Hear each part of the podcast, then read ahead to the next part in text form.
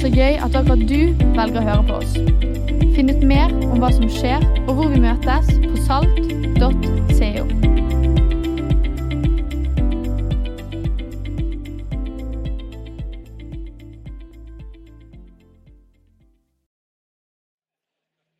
Fint å, å se alle sammen. Fint med konferansehelg.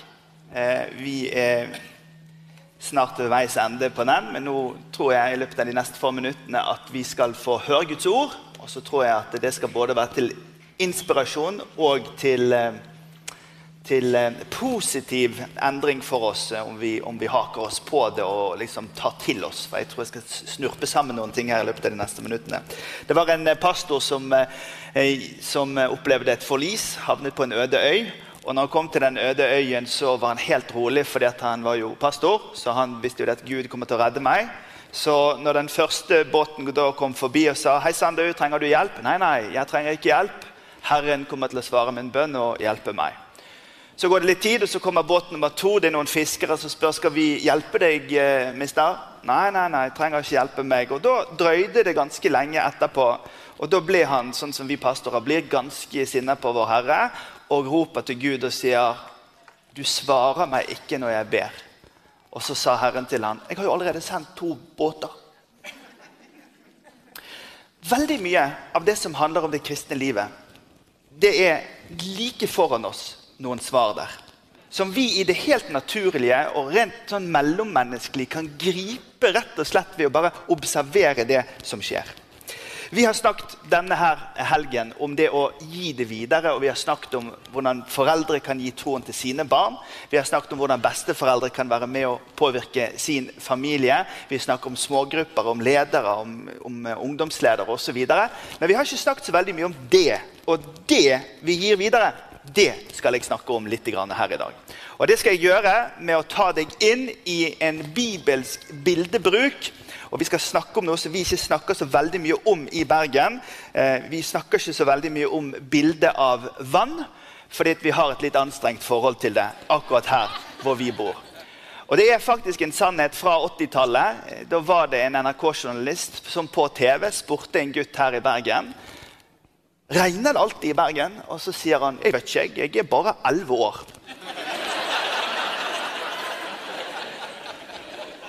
Det er en av de vanskeligste tingene for oss i, i det å gjøre våre barn eh, troende i forhold til Bibelen, har jo vært dette med Noah og vannet, og at det var bare 40 dager regn så druknet hele jord. Dette tror jo ikke mine barn på. Så deres bibelsyn er jo blitt kraftig rammet av at de bor her vi bor.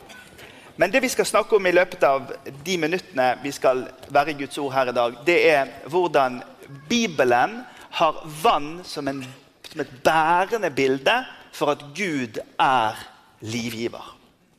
En av de flotteste historiene jeg vet fra Bibelen, er historien om eh, den samaritanske kvinnen, eller kvinnen ved brønnen. Når jeg var student for noen år tilbake, så skrev jeg faktisk en hel oppgave om Jesus sin mesterlige pedagogikk i historien hvor han treffer denne kvinnen ved brønnen. Han går ikke rundt Samaria sånn som andre jøder ville gjøre. Nei, han gikk gjennom Samaria. Han eh, lot ikke være å ta samtalen med kvinnen fra en annen etnisitet. Han tok samtalen. Og det som skjer der ved brønnen, er helt fantastisk. Fordi det er midt på formiddagen. Solen står høyt på himmelen. Det kommer en kvinne dit, og konteksten lærer oss om at denne damen hun kom i ensomhet. Hun kom alene. Samlivene hennes hadde gått i stykker, og livet hennes var ikke godt. Men så kommer Jesus til henne ved brønnen. Dette maleriet som er på veggen bak her, ble malt på begynnelsen av 1700-tallet av en italiensk kunstner som heter Trevisini. Og Han maler Jesus i rødt og blått. Rødt som er kjærlighetens farge, korsfestelsens farge. Blått som symboliserer himmelen, autoritet og sinnsro. Og så males kvinnen ved brønnen. Hun males i gult fordi at hun har fått eh, glede. Og grønt fordi at hun har fått håp.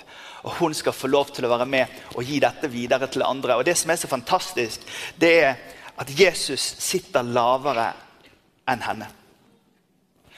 Jesus kommer til kvinnen og gir henne liv. Og Denne historien skal vi straks pakke ut, for vi skal holde oss med bildebruken vann her i dag formiddag. Men jeg har behov for å ta et steg inn i den store bibelfortellingen for å vise hvordan dette henger sammen. Helt i Bibelens begynnelse, i Eden, så ser vi at eh, der er en elv. Det står i Eden at det går en elv ut fra Eden, og den vanner hele hagen. De første tre kapitlene dere, i Bibelen er eh, tre kapitler hvor Gud er nær menneskene. De første tre kapitlene er slik at Gud er tett på og bor med sitt folk. Og det går en elv ut ifra hagen, og den vanner altså hele hagen. Går du til den siste delen av Bibelen, så finner du i Johannes' åpenbaring disse versene. Engelen viste meg nå en elv med livets vann, klar som krystall. Den springer ut ifra Guds og lammets trone. Du finner en perfekt tilstand i de siste tre kapitlene i Bibelen. Du får en beskrivelse av en ny himmel og en ny jord, hvor Gud er til stede med menneskene i evigheten. Og Dette er innrammingen av Bibelens historiefortelling. Altså det at I de første tre kapitlene der fins Gud og hans nærvær med oss mennesker. I de siste tre fins Gud og hans nærvær med oss mennesker. Og så er det en elv av liv som går ut fra Gud selv, og som gir menneskene liv. I begynnelsen så ryker det for oss mennesker. Og eh, vi eh, gir oss hen til å følge våre egne veier. Avgudsdyrkelse, uavhengighet, synd. Eh, ting som gjør at vi ender opp i en situasjon hvor Guds nærvær drar seg bort fra oss menneskene. Derfor er det sånn at Mellom permene i vår bibelbok så er det et drama. Et drama hvor Gud søker å komme nær oss mennesker. Han tørster etter å være nær de menneskene som han elsker. Så Gud oppretter en pakt med folket Israel. og dette paktsfolket hans lager en avtale med at eh, det skal være et tabernakel, senere et tempel, en Guds bolig på jorden, hvor Gud skal være nær sitt folk. Men denne historien i Det gamle testamentet den lærer oss at eh, kampen vår den står om vår, eh, vårt hjerte.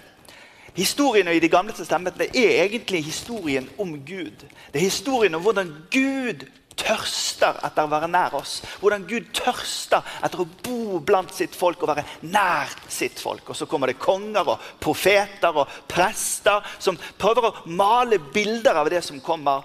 Og så er det historiefortelling om hvor galt det kan gå. I 586 før Kristus så gikk det så galt at kong Nebukadneser kom til Juda. og Der tok han over et folk. Han la hele Juda i grus. Jerusalem-tempelet ble lagt i grus. Det var bare ruinene igjen. Noen valgte å bo i ruinene, andre valgte å dra til andre steder i nærområdet. Andre igjen ble bortført i eksilet til Babylon. Og Esekiel er en av de profetene som dro til Babylon. Og Han bodde i Babylon i hele 25 år. Og I de 25 årene som Esekiel bodde i Babylon, så hadde han ulike visjoner og drømmer om det som skulle komme. Han hadde en fryktelig visjon. Fra kapittel 8 til eh, kapittel 10 så har han en fryktelig visjon om hvor galt det kan gå når det som skjer i tempelet, ikke ærer Gud. Når det som skjer i tempelet, eh, er blasfemisk og til, til skade for Guds vilje og Guds sak i verden. Og vet du, Det som skjer i kapittel 8 til 10, det er at Gud trekker sitt nærvær bort ifra tempelet. Hvilket sted å være om Gud blir borte, om Gud glemmes. Men Esekiel han er en profet, og det som kjennetegner profeten, er at en profet har bilder av det som kommer, eller ser i det usynlige bilder av det som skal komme. Så Esekiel han får etter hvert noen bedre visjoner han får eh, etter hvert eh, noen tydeligere visjoner som er mer positive. Og de positive visjonene som han får, de begynner han å skrive om i kapittel 40. Og så skriver han også om det her i kapittel 47, som nå er hovedteksten vår for i dag. Og Vi leser sammen fra Esekiel kapittel 47, hvor det står Han førte meg til tempelinngangen. Og se, vann strømmet ut under terskelen på østsiden av tempelet. For tempelfasaden vendt mot øst. Vannet rant ned på høyre side av tempelet sør for alteret. Han førte meg ut gjennom nordporten, og der ute fulgte han meg rundt til den ytre porten som vender mot øst. Og se, vannet det sildret fram på høyre side. Mannen gikk østover med en målesnor i hånden. Han målte opp 1000 alen. 1000 alen er omkring 530 meter. Så måtte, eh, og eh, lot meg gå gjennom vannet, og vannet det nådde meg til, til eh, knærne. Så målte han opp, nådde meg til anklene. Han målte så opp ytterligere 1000 og lot meg gå i vannet, og det nådde meg til knærne. Så målte han opp ytterligere 1000 og lot meg gå gjennom vannet, og det nådde meg til hoftene. Og igjen så målte han opp 1000 alen, og nå var det en elv som han ikke kunne vade over, for vannet hadde steget til en elv der man måtte svømme, den lot seg ikke vade. Husk nå, Det bærende bildet i Bibelen for vann, det er at vannet er språket som forteller oss at Gud er en livgiver. Og det Esekiel ser, det er at Gud gir liv. Det begynner med at det sildrer fram men så blir det mer og mer der vannet kommer. Og Derfor så trekker han med seg fortellingen fra Eden til åpenbaringen. Og så viser han oss at Gud er en trofast Gud som fortsetter å fylle på med sitt nærvær i en brøtt og ødelagt og mørk verden. Og Nøkkelverset i kapittel 47 det er dette som vi leser i vers 12. For hver side av elven skal det vokse all slags trær til å spise av. Løvet på dem skal ikke visne. Frukten skal ikke ta slutt. Hver måned skal det bære ny frukt, for vannet de får, kommer fra helligdommen. Frukten skal tjene til føde, og bladene skal bringe helse. I mørket, i fortvilelsen, i eksilen, i krisen, i, i mangelen, i vantroen, så er Gud en livgivende. Jeg har lyst til å dra deg inn i dette store bildet. Men først må vi ta en tur til Samaria igjen og se i den konkrete samtalen som Jesus har med kvinnen ved brønnen. For Jeg lovte deg i begynnelsen å si vi skal snakke om det vi gir videre. For det er ikke bildebruk. Det vi gir videre, er veldig konkret. Og vi leser sammen. Jesus sier til kvinnen om du kjente Guds gave og visste hvem det er som ber deg om å drikke ja, Da hadde du bedt ham, og han hadde gitt deg levende vann. Herre, sa kvinnen, kan du dra opp vann fra brønnen? Brønnen er jo så dyp. Hvor skal du få levende vann fra? Så Du er vel ikke større enn vår stamfar Jakob. Han, han ga oss brønnen. Både han selv og sønnen og buskapet de drakk av den. Og Jesus svarte, 'Den som drikker av dette vannet, de blir tørst igjen.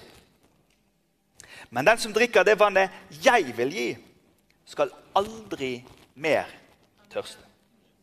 For det vannet jeg vil gi, blir i ham en kilde med vann som veller fram og gir evig liv.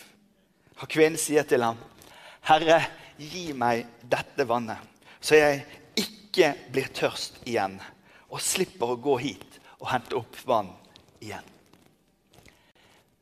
Hva er det med dette vannet?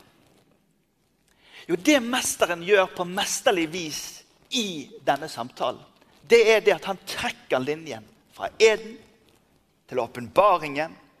Og så minner han dem om profeten Esekiels melding om at en dag så skal det komme et vann som igjen skal gi liv til alle mennesker. Og Det Jesus gjør her, dere, det er at han ikke snakker symbolikk. For Av og til så blir vi i de kristne teologiene og de kristne språket vi roter litt mellom hva som er bildebruken og hva som er det helt konkrete. Og nå skal jeg være veldig tydelig med deg. Dette som Jesus snakker om her, er en konkretisering av bildebruken. Det at Jesus kommer og forvandler mennesker sine liv i år 2022, det er ikke ønsketenkning eller symbolikk. Det er reelt. At Jesus samtaler med en kvinne som han da velger å ikke gå forbi, men velger å gå i møte med, det er fordi at han sier at hver enkelt av oss vi er som den kvinnen som får lov til å møte en som vi trodde ikke ville stanse med oss. Møte en som bryter lenkene. Det er et navn som bærer byrdene. Det er et navn som er sannheten. Og det, dere, det er det vi gir videre. Det vi gir videre, er ikke bare gode verdier og holdninger som gjør at vi oppfører oss som gode borgere i landet.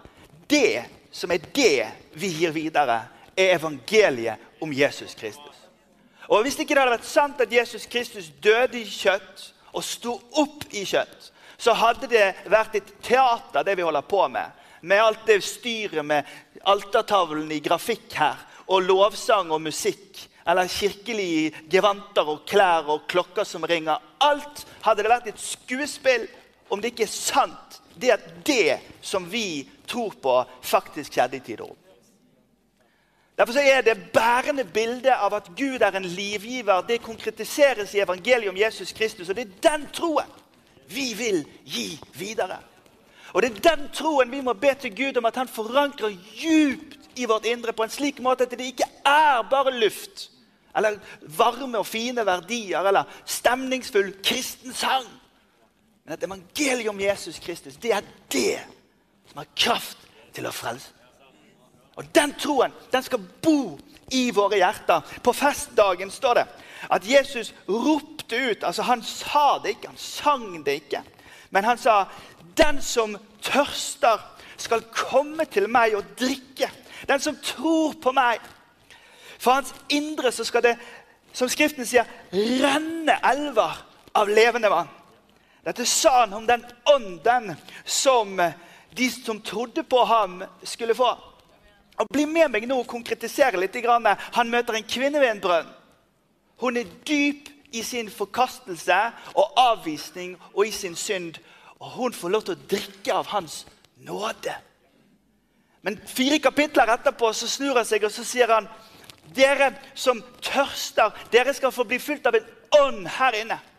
Dere skal få ikke bare en, en, en elv som går ut fra et tempel eller fra en hage, men dere skal få innlagt et vann her inne. Og Den strømmen skal være i dere som en kilde som veller fram, ikke som én elv, men som elver av strømmende vann. Så Vi snakker en hel helg om å gi det videre, men det er fordi vi er så frimodige på at det fins en frelse i Kristus, men så fins det også en åndsfylde i Kristus som gjør at det kommer et innlagt vann her inne som gjør at det veller fram til evig liv. Og at Pastoren pastor i denne byen her i over 20 år, og mange av samtalene våre handler om veldig praktiske ting. Som at familiesituasjonen ikke er som, som, den skulle være. Det er et eller annet med ungene. Det er noe i ekteskapet, det er noe med økonomien, det er noe med troen. det er med, rett foran oss så gir Gud oss muligheten til at vet du, det fins en ånd som kan fylle ditt indre som gjør at det kan renne fram elver. Én elv kan gå ut hit og så kan vise deg at Gud er mer enn nok når du har mangler. Og så er det én elv som kan gå ut og så si det er én elv som sørger for at det blir tilgivelse der det har vært istid i relasjonene. Så fins det én elv som renner ut og sier at ja, ja, men de der tenårings barneoppdragelsesårene det går over. Gud er trofast, og vi mennesker vi tar til vet etter en stund. Det fins elver som renner ut, og som gjør at dette riket dere, det går videre. Men Gud han inviterer oss til å gå videre, også for å få muligheten til å gi det videre. Esekiel han får denne visjonen. Nå må jeg straks få litt hjelp av deg, Anders. Du må komme opp og hjelpe meg litt. Eh, han Esekiel han får denne visjonen. Og Det står i kapittelvers 47, vers 9 her at det, det, det rant ut ifra tempelet. Og så er det ganske interessant at det, det, er mer og mer vann etter hvert som det renner. Jeg vet ikke om du har satt hageslangen din for å vanne plenen, og så, og så har du skrudd den av, og så har, bare, har du skrudd på litt av vann, og så, når, du, når det renner, så, så, blir, så, forsvinner jo vannet. Fordi at Hvis det er bare litt vann i begynnelsen, så det, går det ned i grunnen og forsvinner. Men i denne bildebruken som Esekiel har her, ja, så det, begynner det med sildringen, og så blir det mer og mer etter hvert. Og hvor dette vannet kommer, står det, så blir alt friskt og levende. Alt som er der hvor elven renner. Og Bildebruken den, eh, den, konkretiseres i geografien i denne teksten. og Vi skal ikke gå gjennom alle stedene her, men vannet renner i retning av Dødehav. Det lavestliggende vannmassen på jordkloden med et sånt innhold av eh, giftstoffer at det bor ikke noe liv der. Men teksten lærer oss at vannet går dit, og det blir liv der. I 2000 år siden Jesus Kristus kom i kjøtt og blod til jorda, sto opp igjen en tredje dag og sa 'vent i Jerusalem', ånden kommer over dere. Siden det skjedde, så har den kristne kirke utbredt seg over hele verden. Og I hver ny generasjon så trengs det et nytt møte med Jesus, og det trengs en ny fylde av Ånden. Fordi at det er dette som handler om Guds liv, det er ferskvare. Og Nå skal vi forsøke å illustrere litt her, og da får dere tilgi oss hvis vi vi blir litt, eh, Nå skal vi prøve å illustrere her. Går det fint? Vi har sagt, gitt beskjed til Kanal 10 at de må filme her nå. da. Dette her har vi bare kokt opp i hodet vårt sjøl for å forsøke å være gode pedagoger. Men nå skal vi ut i vannet litt her nå. Ok? Er dere med? For det som står da i denne teksten, det er det at først så kommer man til et sted her hvor, hvor det skal nå til anklene. Og dere, vi har jo nå Takk skal du ha. Dette er Anders. Vi har kjent hverandre i mange år. og dette, jeg, kan dette. jeg kan sitte ved dine føtter enn Anders. Eh, ja, la det gå. Ok. Eh, I 2004 så startet vi denne kirken. Og vi sa det at denne tiden vi lever i, kjennetegnes av at det kristne budskapet er både blitt glemt og ikke trodd og ikke verdsatt i vår kultur. Så vi må tenke at vi er misjonærer til Norge nå. Så vi må sørge for at det er grunn nok i begynnelsesfasen av å være her i denne kirken. Og fordi det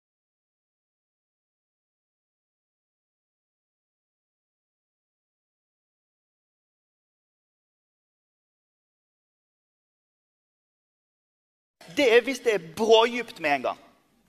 Så hele ideen til Salt det er det at vet du, vi ønsker å være misjonærer til vårt eget land. Så kom her og heng litt, bli litt våt på beina, men vær trygg på at du kan stikke igjen hvis ikke du har lyst til å være med lenger. Det var akkurat det Jesus gjorde når han eh, tok med seg sine disipler i det første. Jesus kalte disiplene sine fire ganger. Han sa først 'kom og se'.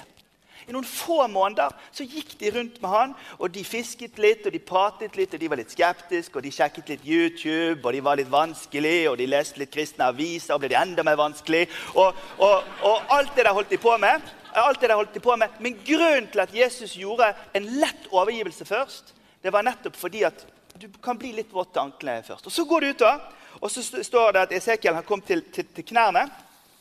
Eh, den andre, eh, den andre eh, invitasjonen som Jesus ga til sine disipler, det var en 10-11 måneders periode. Dette vet vi fra boka. En 10-11 måneders periode hvor han involverte dem. Da var det dette, denne invitasjonen 'Kom, følg meg', sa han til dem.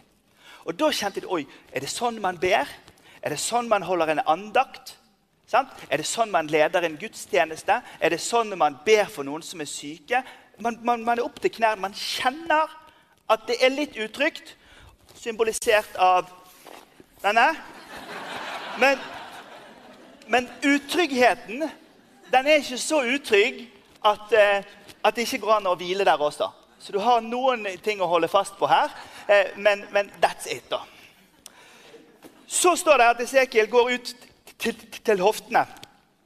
Og de i min familie jeg er, absolutt, jeg, jeg er den i vår familie som alltid syns at vannet er for kaldt.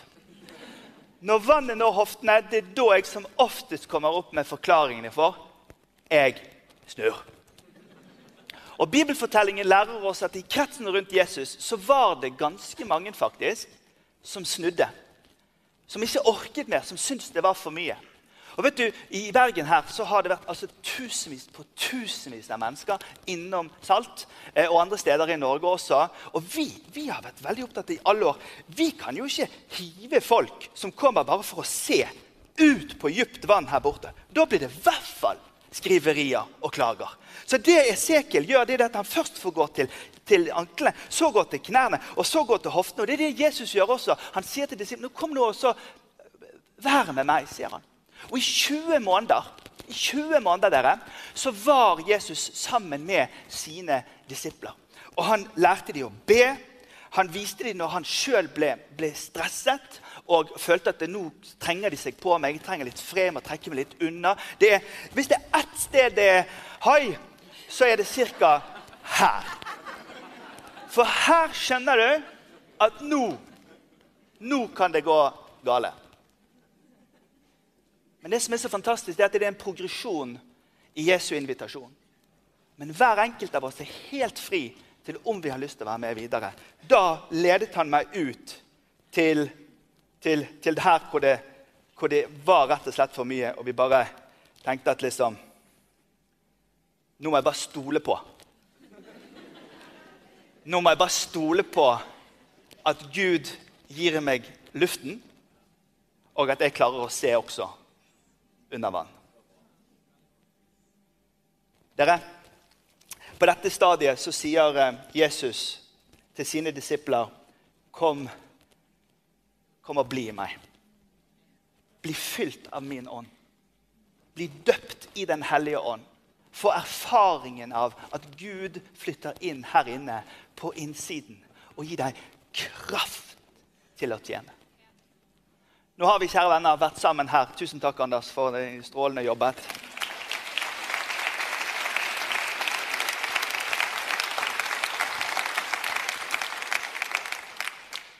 Nå har vi vært sammen denne helgen, og vi har sagt 'gi det videre'. Men jeg tror at mange av oss trenger å gå videre for å kunne gi det videre. Og Jeg har lyst til å utfordre deg, du som er her i dag om du har gått med Jesus i, i noen år, eller om du rett og slett bare kjenner at ja, men det der frister meg, så er det en utydelighet dessverre i vår del av verden rundt disippelskapets reise. Og Vi kommer til å ta Kirken her nå i det neste året inn litt mer på djupt vann. Fordi at eh, vi vil så gjerne utfordre tilstrekkelig. Vi ønsker ikke å være oppfattet, og det tror jeg ikke folk på det jevne oppfatter oss som. Men, men vi, vi, driver ikke bare her og, og, plasker i vannet. Men vi er veldig respektfulle overfor de som har behov for å være her en stund før de blir ute på det dype vannet. Men vi har behov for at flere av oss flytter oss også bortover mot det dype vannet. Hvor i de dype vannet vi får nye erfaringer med Ånden som gjør at vi er i stand til å gi det enda lengre videre. Noen i dette rommet trenger i dag å høre at du kan drikke deg utørst på kjærlighetsgaven ifra Jesus. Du er tilgitt. Du er kanskje der med den samaritanske kvinnen, og det du trenger å høre i dag, det er at jeg har fått nåde nok. Andre trenger å høre disse versene fra kapittel 7, når Jesus roper ut at det fins en ånd som du kan drikke av. Du kan bli fylt av Den hellige ånd. Andre igjen i dette rommet trenger å høre at det er ikke bare én elv som går ut fra ditt hjerte, men det fins elver av rennende vann som gjør at du kan få lov til å se at noen av dine felt i livet som, som du opplever er tørre og vanskelige, og det står fast i, at Guds ånd kan få lov til å komme der og vise seg som den som er helbrederen. Vise seg som den som er mer enn nok. Vise seg som den som er veilederen. Vise seg som den som er den som trøster. Vise sin omsorg. Det er andre igjen som trenger denne dagen her å bare gjøre en bestemmelse av at men jeg slipper taket. Jeg tar på meg snorkelen. Jeg går på djupt vann.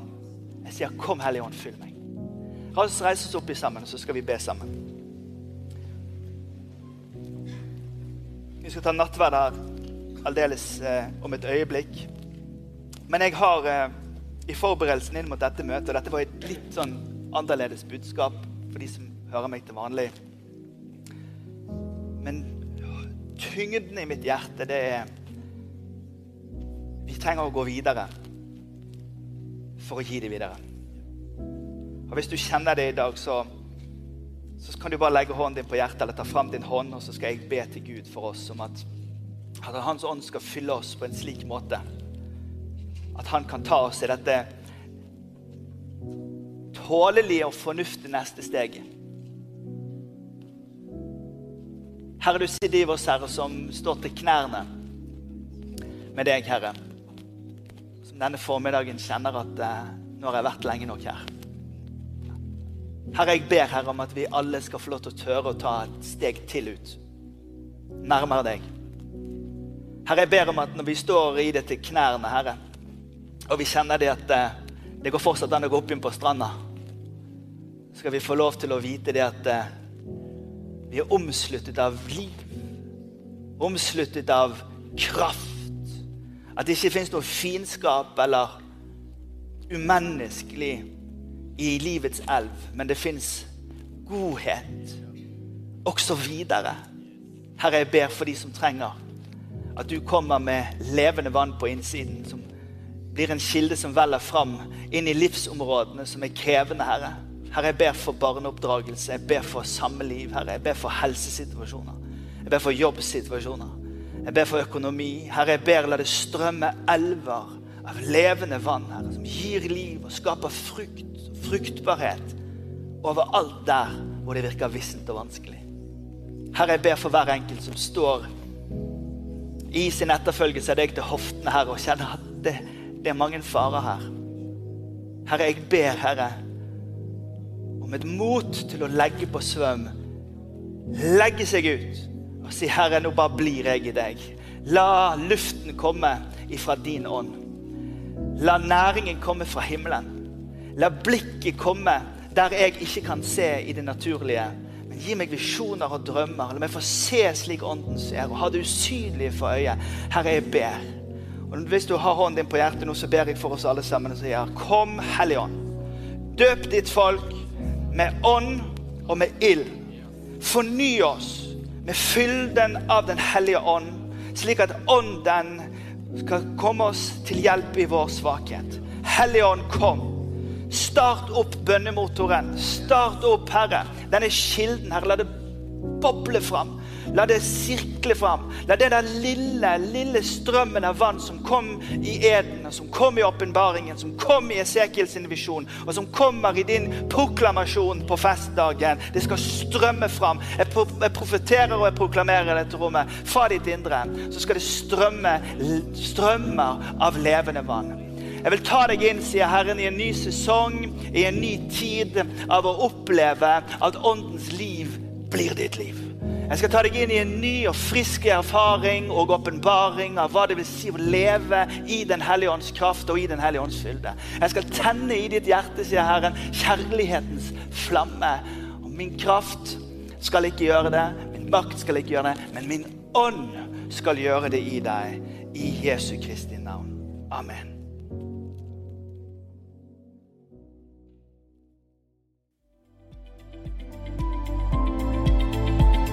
Takk for at du hørte på. Håper vi snakkes enten her eller i kirken neste søndag. Ha en nydelig uke.